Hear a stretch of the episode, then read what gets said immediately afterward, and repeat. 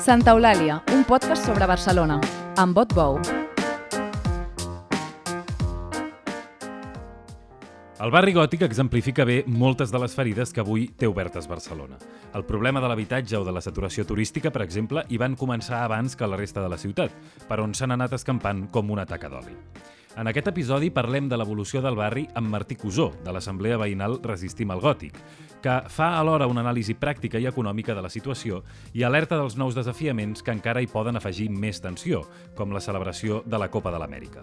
Martí Cusó, tot seguit, a Santa Eulàlia.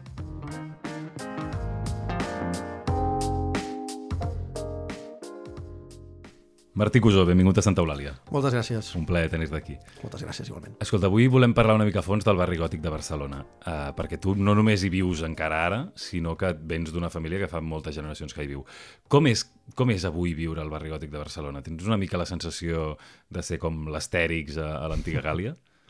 Home, és evident que és una resistència permanent, no? De fet, una de les frases que, que diu més gent és que viure al gòtic en si és una militància en si mateixa, no? Perquè lluitem contra totes les adversitats del capitalisme expressats a la ciutat de Barcelona. Penso que som un barri que, per la centralitat que tenim, doncs som els primers que hem patit els efectes, de, doncs, per exemple, del turisme massiu, de l'especulació immobiliària, de l'expulsió veïnal, etc, del monopoli comercial però és que això cada cop passa a més barris. Per tant, eh, jo penso que ja cada cop més gent de Barcelona se sent així al seu barri. Mm -hmm. Nosaltres, per la centralitat que tenim, doncs ho hem patit abans i portem molts anys patint-ho, però malauradament el que passa al Gòtic està passant a la resta de la ciutat. El Gòtic té com aquesta cosa d'haver estat el primer, no? O de ser mm -hmm. un lloc especialment simbòlic. Al final és el centre històric de la ciutat i és, ha estat el, el camp d'experiments de, de de tot el capital a l'hora d'extreure rendes tant immobiliàries com de l'espai públic, com amb la mercantilització doncs, del comerç, de, bueno, etc. No? Per, per parlar de tu primer de tot, la teva família quantes generacions fa que viu al barri gòtic? No n'estic segur del tot de quantes exactament. Uh, el meu besavi, fins al meu besavi segur. Mm. Val? Uh, per part de mare. Per part de pare eren de l'Eixample. Per part de mare des del meu besavi que, que eren del barri del Call i de fet el meu avi encara es viu i encara hi viu. Eh, per tant, i després, bueno, doncs tinc tiets que encara hi viuen i d'altres que ja no. Amb el teu avi, per exemple, o amb la gent més gran de la família, heu parlat de com han vist evolucionar el barri tots aquests anys? Sí, exacte, de com l'han vist destruir, no? perquè al final el meu avi, eh, quan, quan va néixer, va néixer el 31, el barri gòtic ni tan sols existia. No? El barri gòtic, de fet, es diu barri gòtic des de l'any 85, quan es fa la nova, bueno, el nomenclàtor de la ciutat, no? i se li posa aquest nom eh, que representa una reconstrucció històrica de principis del segle XX, no? que ja en parlarem si voleu. Però tot el que ha suposat això, eh, el meu avi doncs, ho ha vist perfectament, igual que ho hem vist tots, perquè sí que és cert que el canvi més profund a nivell d'expulsió de, veïnal, segurament de, de canvis, doncs, per exemple, de substitució d'habitatges per allotjaments turístics, d'arribada del turisme massiu, ha vingut sobretot a partir dels anys 90. Uh -huh. Però tot això s'assenta amb unes bases molt prèvies, no? de, fin, de principis del segle XX o fins i tot a finals del XIX. Uh -huh. Per què? Situem-nos al, al principi uh -huh. d'aquest canvi. Uh -huh. o sigui, el, la, la, la, bueno, la degradació, l'evolució uh -huh. del, del barri gòtic en general, quan comença, diries tu?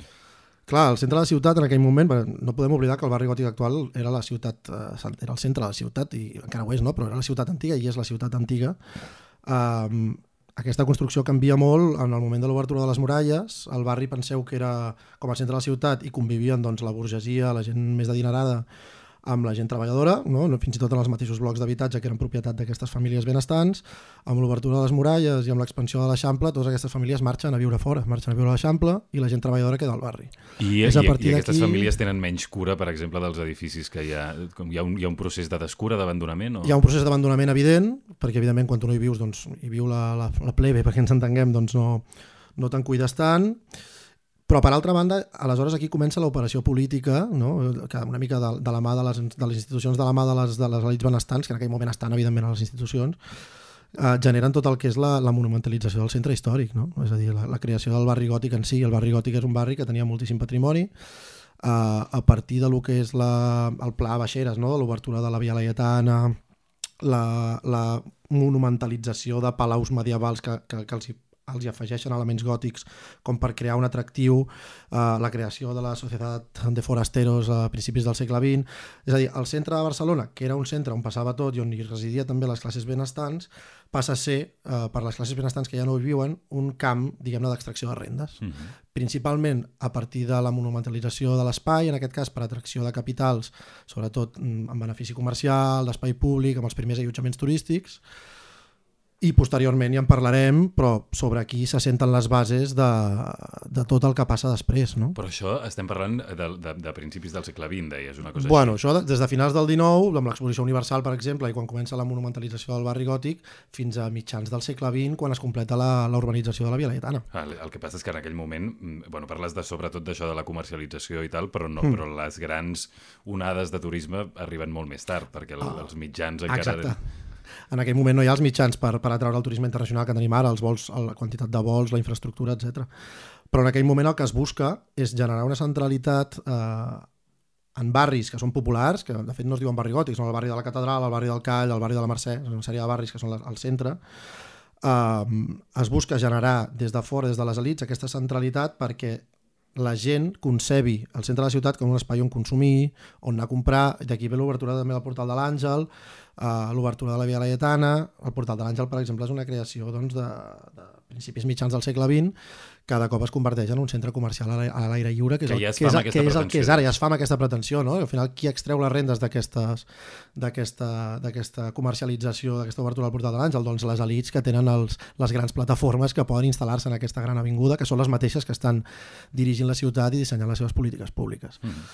Això després del franquisme, mmm, bueno, això passa durant el franquisme sobretot, no? però eh, quan arribem a la democràcia i evidentment doncs, hi ha arriben els ajuntaments suposadament democràtics i, i, i tot plegat, aleshores ja s'aposta aquí clarament per l'atracció del turisme internacional i dels grans esdeveniments, com per exemple els Jocs Olímpics. I com, com diries que han afrontat la situació al barri cada govern municipal? Els, per exemple, les, els tres grans grups socialistes, eh, sobretot amb Maragall al capdavant, Trias i Colau, han tingut estils diferents? Han fet coses diferents? Bueno, segurament parlaré més aviat des de Maragall, no? Maragall eh, aposta per primera vegada per aquests... Bueno, per primera vegada no, però per primera vegada segurament des de l'exposició universal per aquests grans, grans esdeveniments com són els Jocs Olímpics i, i això el que fa e, és, per una banda, d'una manera completament desregulada, és a dir, permetent, per exemple, que centenars d'edificis al centre de la ciutat eh, siguin comprats per grans famílies o per grans inversors i es converteixin en hotels, edificis que són residencials, i, i tot això, evidentment, doncs, no, no respon a una altra lògica que la, que la de seguir perpetuant aquesta, aquesta extracció de rendes, en aquest cas de l'immobiliari, per, per, a partir de les grans famílies, no? o de les grans elites.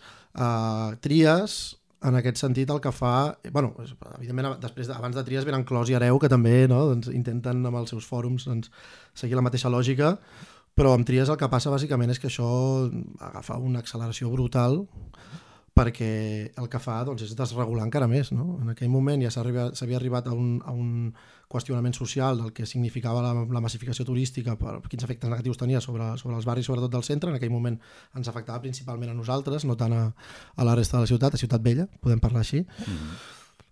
I amb Tries, doncs, eh, tot això es reobre, no? és a dir, tornem a permetre obrir hotels al centre, eh, comença el boom dels pisos turístics el 2009, eh, probablement arribem al boom amb els anys de Trias perquè es desregula. És, sí, la, el... la defensa que sempre fa Xavier Trias és que diu tot això ja existia però estava en uns llims de a legalitat i jo el que vaig fer és endreçar-ho per poder-ho controlar millor. No bueno, sé si... No, és a dir, aquí, aquí de fet és el 2010, és abans de Trias que es fa la regulació dels HUTs, és a dir, la, la creació de la figura jurídica aquesta de l'habitatge d'ús turístic i es donen una sèrie de llicències que de fet al barri són poques perquè ja està molt saturat i se'n donen poc més de 300. Val? El que passa després és que, evidentment, hi ha una oferta il·legal enorme i l'Ajuntament no només no fa res per controlar-la, sinó que la considera fins i tot positiva. No? Per tant, eh, Trias el que fa és fer la vista grossa. Trias no posa ni un esforç a controlar aquesta expansió descontrolada dels pisos turístics.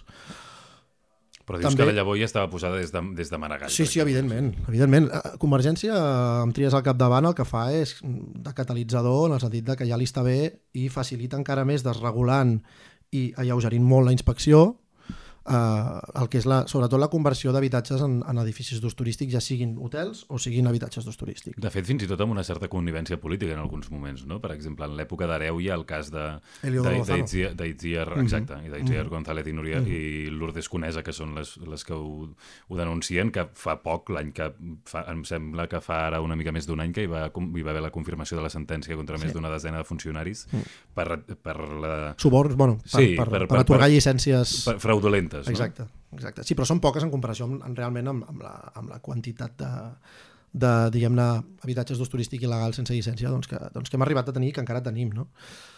Amb Colau, què passa amb Colau? Bueno, hi ha una declaració d'intencions molt clara, però penso que es perden amb el triomfalisme i crec que el que ha generat el, el mandat o els mandats de Colau són molta frustració. Perquè si bé és cert que s'han intentat coses, s'ha intentat una, bueno, regular a través del PEUAT, per exemple, o a través de l'augment de la inspecció de preus turístics, crec que s'ha evidenciat les limitacions que té una administració municipal a l'hora de combatre eh, el capitalisme global, que al final és el que està imperant ara mateix a la ciutat. Bueno, de vegades fa, fa una mica la sensació que aquests vuit anys el que s'ha intentat és contenir una mica certes Sí, coses, exacte. però que en realitat no hi ha hagut una, o, o una voluntat o una possibilitat de fer cap transformació de fons. És que a més la sensació era tan contradictòria perquè, per exemple, no, nosaltres eh, parlàvem amb la regidoria del nostre districte i ens feia un discurs pràcticament anticapitalista, com qui diu, no? és a dir, de, de, fins i tot d'expropiació de pisos turístics o de tancament d'hotels, etc. Però després, clar, parles amb la regidoria de Turisme i Indústries Creatives, que és del PSC, o amb la regidoria de... o, o amb temes econòmics, que la portava Collboni en aquell moment, i és que, clar, per una banda tens una part de l'Ajuntament que t'està parlant de reduir de decréixer fins i tot, no? paraules grosses eh, que, que podrien sortir perfectament dels moviments socials, i per l'altra tens ampliació de l'aeroport, eh, tens un port de la ciutat que és una institució en si mateixa que no depèn de ningú, menys, bueno, depèn de l'Estat, lògicament, però que és absolutament infranquejable, que l'Ajuntament no hi té res a dir, que està ampliant el moll de creuers, tens eh, en Collboni doncs, que segueix parlant i Colau aquí que li compra el relat de, de la Copa Amèrica, vull dir que és, ha estat un mandat ultra contradictori i per això et dic molt frustrant també, jo crec que per la gent que s'esperava canvis més profuns amb els mandats de Colau. Amb el cas de la- de l'abandonament, de la marxa de molts veïns i d'aquesta... mm, eh, del fet que molts habitatges passin en el mercat del lloguer turístic, hi ha una, una part, una figura molt important que són els fons d'inversió. Um, no, bueno, corregeix-me si m'equivoco, No, no, però quan, quan creus que entren en, en joc? O si pots explicar com ha estat el, el, quin punt d'inflexió ha representat l'entrada en, en joc dels fons d'inversió? Bueno, sobretot és a partir del, del, del, de la caiguda del moviment immobiliari, de la bombolla immobiliària, evidentment tot, tot això es devalua i es donen una sèrie de facilitats des de l'Estat, per exemple les SOCIMIS, no? que són societats d'inversió, Mm -hmm. Se'ls dona beneficis fiscals. beneficis fiscals per comprar blocs a preu molt barat, perquè evidentment està tot molt devaluat en aquell moment, i amb exencions fiscals a canvi de mesures absolutament absurdes, com per exemple posar habitatges en lloguer durant 3 anys i després ja poder especular amb elles. No? Aquesta situació de devaluació, que també es produeix a finals dels 80, no? perquè centre de la ciutat, a partir de la crisi de l'heroïna, que ja en parla, podíem parlar també, doncs es devalua molt el seu valor i aquí també tenim l'entrada de capital de capital no només estranger, no, no són només fons d'inversió, també són fa, grans famílies catalanes de, de comprar habitatges sencers en, en els anys 90 per construir hotels i, a, i ara, doncs, després de la bombolla immobiliària, per, per extreure rendes immobiliàries a partir de, sobretot del lloguer o de la venda, mm. no se'n parla. Potser és entrar massa en el detall, però per entendre ben bé com funciona tot el fenomen en general. El, quan parles dels beneficis fiscals que el govern de Rajoy dona en els fons d'inversió, que després és el que ha accelerat l'adquisició de tots aquests eh, habitatges i pisos de lloguer eh, al centre de la ciutat i més enllà del centre de la ciutat, mm, parles de la, de la, de la devaluació de l'habitatge i de la, eh, que, que esclata la bombolla immobiliària, no? Però quins, per, per la gent que no hi entenem tant, Sí, sí, tant sí. d'economia, quins, per, per què eh, Rajoy, per què el govern del Partit Popular permet això? Per què, quins incentius té per fer-ho? A veure, a, a- a la seva boca, és a dir, la, la, la regulació o la creació de la SOCIMI i aquestes exencions fiscals, eh, en paraula del govern Rajoy, és bàsicament per incentivar el mercat de lloguer, per revitalitzar el mercat de lloguer. Per què? Doncs perquè això ho justifiquen incorporant una mesura que segons ell justifica les exempcions fiscals o les complementa, que és aquesta obligatorietat de la SOCIMI de posar 3 anys al mercat de lloguer els habitatges que compren. Això al final saben perfectament que 3 anys no són res, que amb una compra barata i amb una reactuació del mercat de compra, el mercat immobiliari, no de lloguer, d'aquí 3 anys podran extreure unes rendes altíssimes. Per tant, al final respon a uns interessos immobiliaris i de les elites i del capital immobiliari internacional. Uh, M'agradaria explicar també l'estructura de la propietat del centre de Barcelona perquè explica moltes coses també Mm, en la línia del que explicàvem al principi de, de la fugida, d'aquestes podem dir elits, però direm famílies benestants més aviat, no? Famílies que, que marxen a l'Eixample quan, quan hi ha l'expansió de la ciutat o que marxen del centre de la ciutat perquè passa a ser un barri o passen a ser barri doncs, un poc deixats, amb poc manteniment, amb carrers estrets i passen a viure doncs, en barris més benestants, aquesta propietat s'acumula. És a dir, aquestes famílies segueixen retenint aquestes propietats. Què passa amb aquestes famílies? Doncs que els propietaris es van morint i l'herència es va fragmentant. Al nostre barri, per exemple, hi ha un munt d'edificis que estan en mans de eh, familiars d'aquelles famílies, és a dir, en nebots, cosins, nets, nebots, nets cosins, una propietat tan fragmentada que és impossible de gestionar i que moltes d'aquestes persones se l'acaben traient de sobre venent al mejor postor, perquè al final si t'has de repartir una herència entre 8, 10, 15 persones, si et ve un fons d'inversió et posa 5 milions sobre la taula, no, 5 milions són molts, doncs, doncs els agafes. No? I això és el que ha passat també molt els últims anys, que s'han aprofitat i de fet hi ha hagut molt, molts bus, jo penso que hi ha hagut, els fons d'inversió busquen activament aquest tipus de propietats verticals, que en diem, no? que són d'un sol propietari, que en molts casos són propietats que estaven molt fragmentades i que eren molt fàcils d'obtenir a baix cost. Com es diguem. pot evitar això? O com bueno, es pot això es pot revertir? evitar, per exemple, si en el seu moment s'hagués fet uh, tanteig i retracte.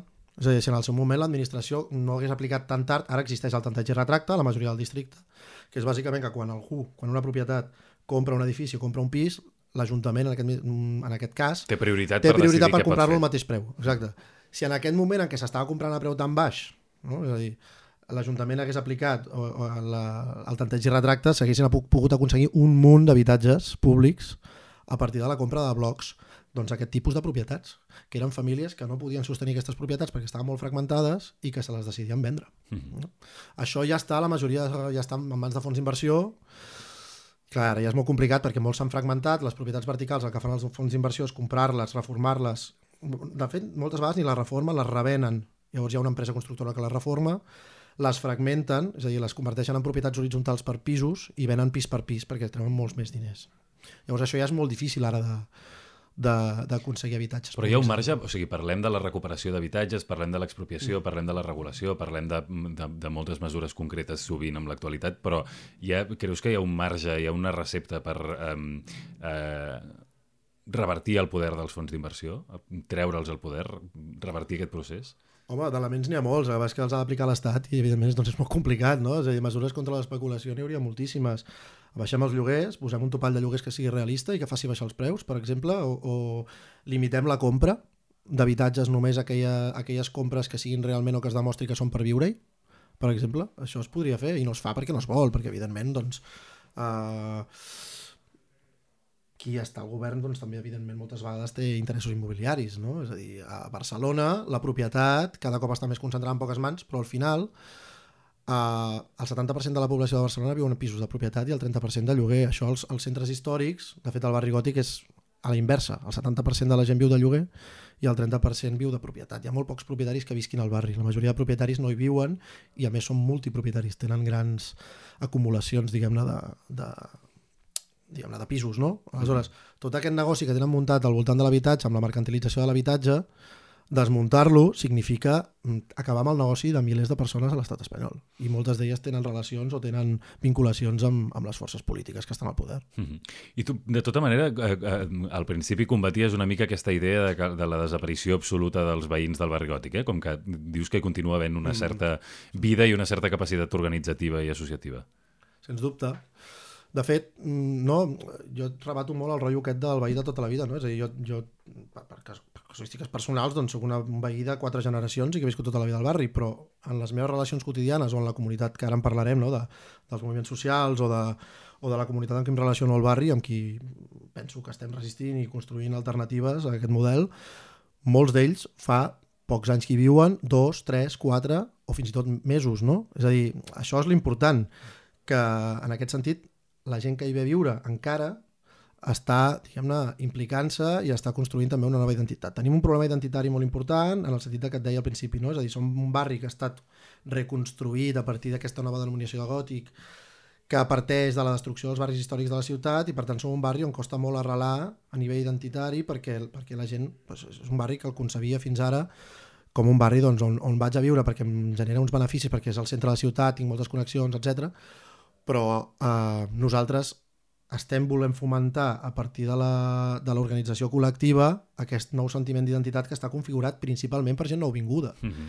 És a dir, la immigració del sud, per exemple, igual que el Raval, eh, és un dels vehicles que està permetent que el barri no estigui encara mort, a nivell veïnal a nivell de gent que hi vivim i que fem comunicat i que trenquem les lògiques de consum i de- i d'extracció de, de rendes, que són les que et dic que, que són les dels, les dels que no hi viuen, no? les, les, les, les poques elites que estan extraient aquests diners. Bueno, entenc que amb això no, la, la eh, degradació de l'ús del català com a llengua de cohesió suposo que hi fa un paper d'obstacle bastant important, no? Almenys la, la gent que no vivim al gòtic però que hi anem a fer coses, sí. sobretot amb comerços, amb, amb coses així, es nota molt la desaparició de la llengua. Absolutament. És clar, bueno, això té molt a veure també amb la, amb la turistització. No? És a dir, sobretot, la relació que deus tenir tu amb el barri, sobretot a nivell de comerç, no? Si vas pel centre a passejar i entres a un bar o entres sí. a una botiga, en el moment en què mm, som un barri que no arriba als 15.000 habitants i tenim 30 milions de turistes l'any, tot el comerç s'ha, diguem-ne, especialitzat a atendre aquest visitant, doncs evidentment la llengua vehicular d'aquestes persones que ens visiten no és el català i tot això és un problema enorme. En canvi, nosaltres, a la nostra assemblea, que compartim i tenim membres doncs, que són de països del sud o que han vingut a viure aquí en pisos que encara hi ha... Perquè això, a mi també m'agradaria això, no? que molt, per molta gent al barri gòtic doncs, és la zona més turística de la catedral, però hi ha moltes diferències nord-sud. La part sud del barri encara hi ha molts edificis doncs, que, que, que estan degradats, que són peti, pisos petits, en, en mal estat. Aquests pisos han estat repoblats o ocupats per, per, principalment per immigració al sud. Aquesta immigració, per molt que es digui que no s'integra, és la que està mantenint els petits negocis, les carnisseries... Eh, i el, la que s'està integrant a les xarxes comunitàries i ja està aprenent el català. Uh -huh. I els nens van a l'escola i són els que estan aprenent el català a l'escola i que després l'usen a la seva vida quotidiana. Qui realment no usa el català i està desplaçant tot això és, per una banda, el turisme massiu, que són visitants, i per l'altra banda, la figura dels expats o els digital nomads, que són persones que venen provisionalment, uh, i, provisionalment que, i que per tant no tenen cap interès ni a participar de la comunitat ni a aprendre la llengua del país. Escolta, explica'ns què és, ja que parlem dels veïns, què és Resistim al Gòtic i què hi feu? Resistim al Gòtic en, en realitat és una assemblea d'habitatge, és un sindicat d'habitatge. Neix el 2007, finals del 2016, a principis del 17, quan, bueno, no és que no ens en haguessin adonat abans, però quan comencem a veure que el boom de compra d'edificis per part de fons d'inversió és el que comentava abans, no?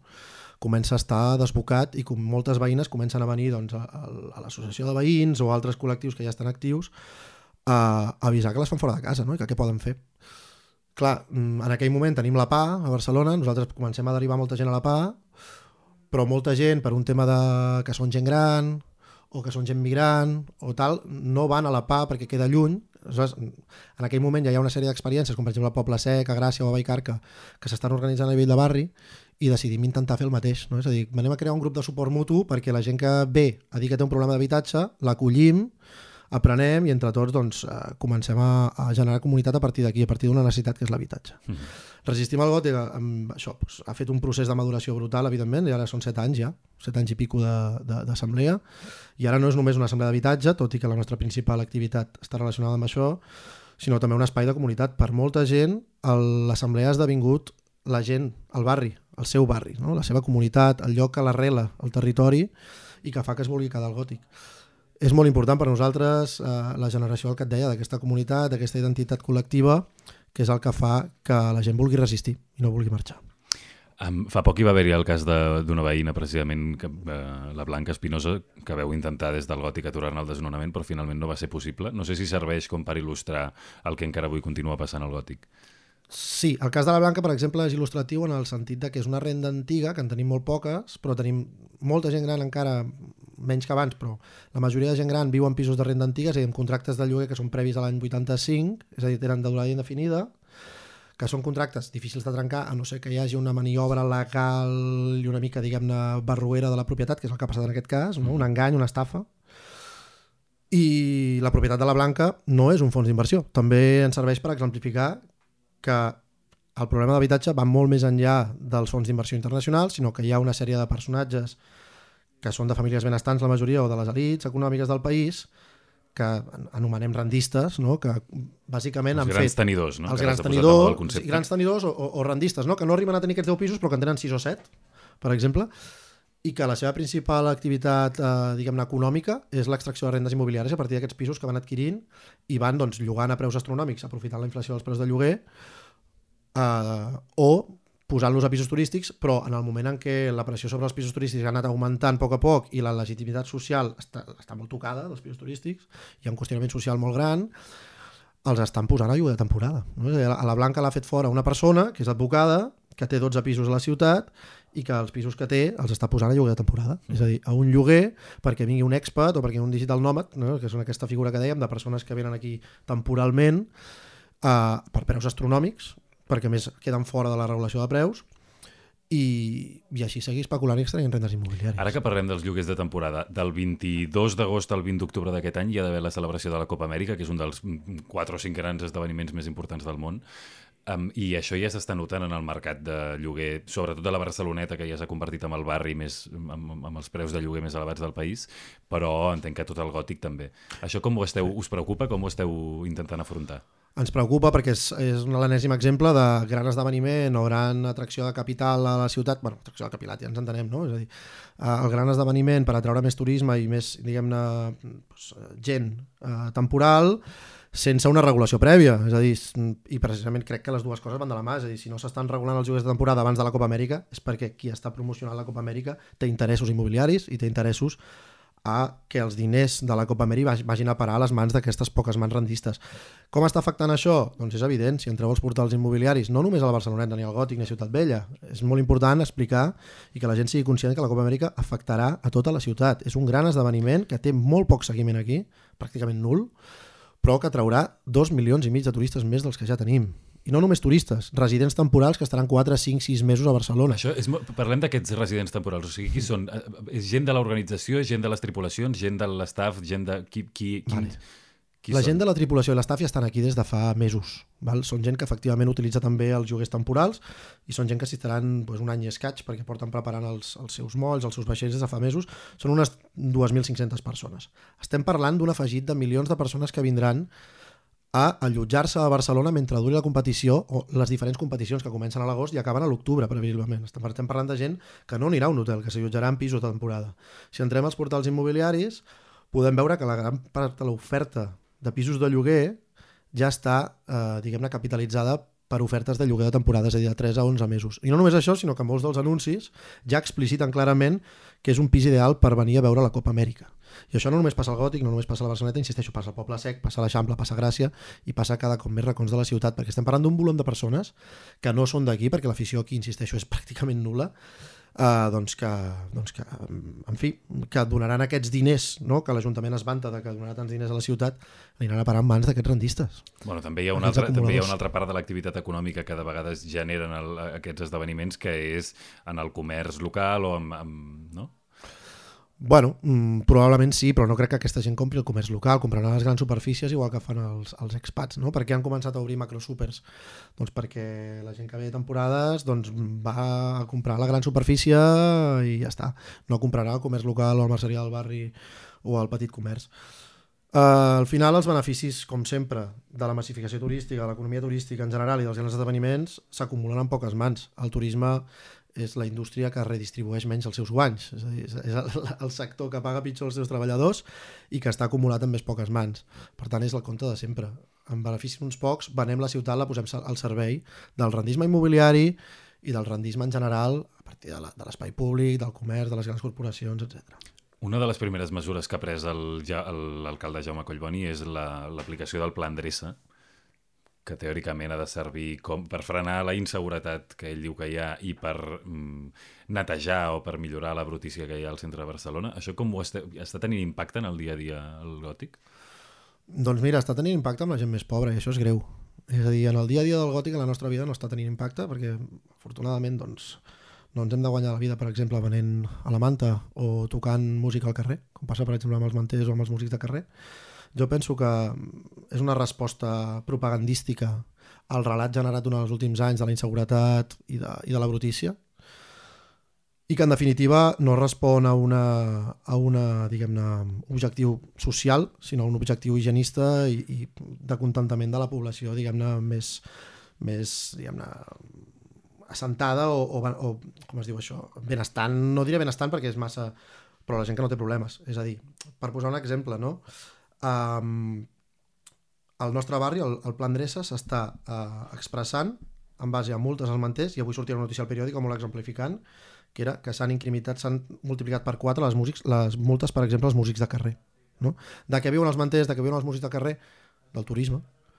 És a dir, tu fas una ciutat massificada turísticament, que depèn pràcticament totalment en el cas de Ciutat Vella de l'economia turística, i després la gent que no té feina, que estàs precaritzant perquè el propi model de ciutat la precaritza, la deixa fora de qualsevol circuit laboral, s'intenta guanyar la vida a partir d'això, llavors en aquesta fas una campanya propagandista per criminalitzar-los.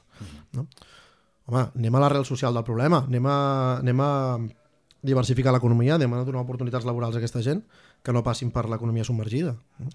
Escolta, i per acabar, si haguessis de fer un pla de xoc de 3 o 4 o 5 mesures que servessin per, per solucionar els problemes que tu detectes al gòtic, per revitalitzar el barri, que, quines serien? Una és evident que, que, que, és limitar les... A veure, evidentment aquí mm, podem parlar de barri, però insisteixo que quan parlem del gòtic estem parlant que les mesures que fem al gòtic tindran impacte a tota la ciutat. Eh? És a dir, que no, no, no, el gòtic no necessita mesures diferents de les que es necessiten a Gràcia o al Poble Sec, perquè tot parteix de la mateixa base amb més o menys intensificació. En el cas del gòtic és més intens per la centralitat que té i per tota la construcció històrica, però és el mateix que està passant a molts altres barris de la ciutat. Primer de tot, evidentment, un control de l'especulació, i això passa per baixar preus, passa per impedir, per exemple, que vinguin persones a comprar habitatges, ja siguin estrangers o siguin d'aquí, que no sigui per viure-hi. Això es podria fer i no es fa. Hi ha algun lloc on es faci? Que jo sàpiga, no. Al Canadà no va sortir la notícia aquella que s'impedia als estrangers comprar... El problema no són només els estrangers. El problema són les grans corporacions. De fet, bueno, Baures, per exemple, que és un fons d'inversió finlandès, eh, la seva filial aquí és Palau Manfredi. Si no compra Baures, el comprarà Palau Manfredi. És a dir, no es tracta de limitar la compra als estrangers, sinó que es tracta de limitar la compra d'habitatge que no sigui per viure-hi. Si, si tu et compres un habitatge, estàs obligat a viure-hi o que sigui per algun dels teus familiars, per exemple. Eh? Estic posant exemples. Treure l'habitatge al mercat és això. Per una altra banda, una política, una política molt més intensa de, de guanyar habitatge públic a partir del tanteig i retracte, a partir de la compra directa o a partir de l'expropiació. Per exemple, tenim un munt d'edificis buits que, per exemple, eh, poso un exemple, els últims anys molts fons d'inversió que han comprat edificis i després els han reformat per fer pisos de luxe és paradoxal perquè la majoria d'aquests pisos de luxe estan buits. Quants anys estaran buits? 10, 20? Podem començar a expropiar aquests habitatges? I per altra banda, evidentment, deixar de promocionar la ciutat turísticament. La promoció del turisme es fa sola, ja la fan els privats, que són els que guanyen els diners. No cal que l'Ajuntament, amb diners públics, faci promoció de la ciutat i segueixi promocionant més i més turisme a partir de grans esdeveniments com la Copa Amèrica. El que passa és que això requereix un replantejament del model econòmic de molt més abast. Exacte, de molt més abast. Cal diversificar l'economia, etc. No? no és una cosa, ni nosaltres ho hem dit mai, que es faci en un any ni en dos. Per tant, parlar de plans de xoc a vegades és enganyós perquè normalment els plans de xoc el que es fan són mesures que, que són maquillatge, per exemple. No? L'any passat l'Ajuntament va anunciar el pla de xoc per controlar els guies turístics i reduir el nombre de persones per grup. Bueno, això al final és una mesura de maquillatge, perquè al final a mi tant me fa veure un grup de 40 que dos de 20. No? Vull dir que al final, evidentment, s'ha de replantejar el model de ciutat que s'ha construït durant desenes d'anys. El problema és que no s'està fent això. Llavors, o es comença a fer ara o ens esclatarà la cara, perquè més tinguem en compte una cosa, l'economia turística no és resilient. Ja es va veure durant la Covid i es veurà durant la sequera aquest estiu. Ja veurem què passa, jo m'anticipo. Aquest estiu tindrem rècord de turisme, previsiblement els números tendeixen a que superem les xifres del 2019, que és el rècord, amb una sequera extrema, que ens és sobre, i amb una conflictivitat social que segurament augmentarà. No? Què passarà? Doncs uh, ho, ho analitzarem i ho veurem. Martí Cusó, moltes gràcies per venir a Santa Eulàlia. A vosaltres. Un plaer. Recordeu que ens podeu fer arribar els vostres comentaris i suggeriments a l'adreça de correu electrònic santaeulàlia.vilaweb.cat. Gràcies per escoltar-nos. Santa Eulàlia és un podcast de VilaWeb presentat per Otbou amb Carles Garcia al servei tècnic i a les veus Maria Castanyer.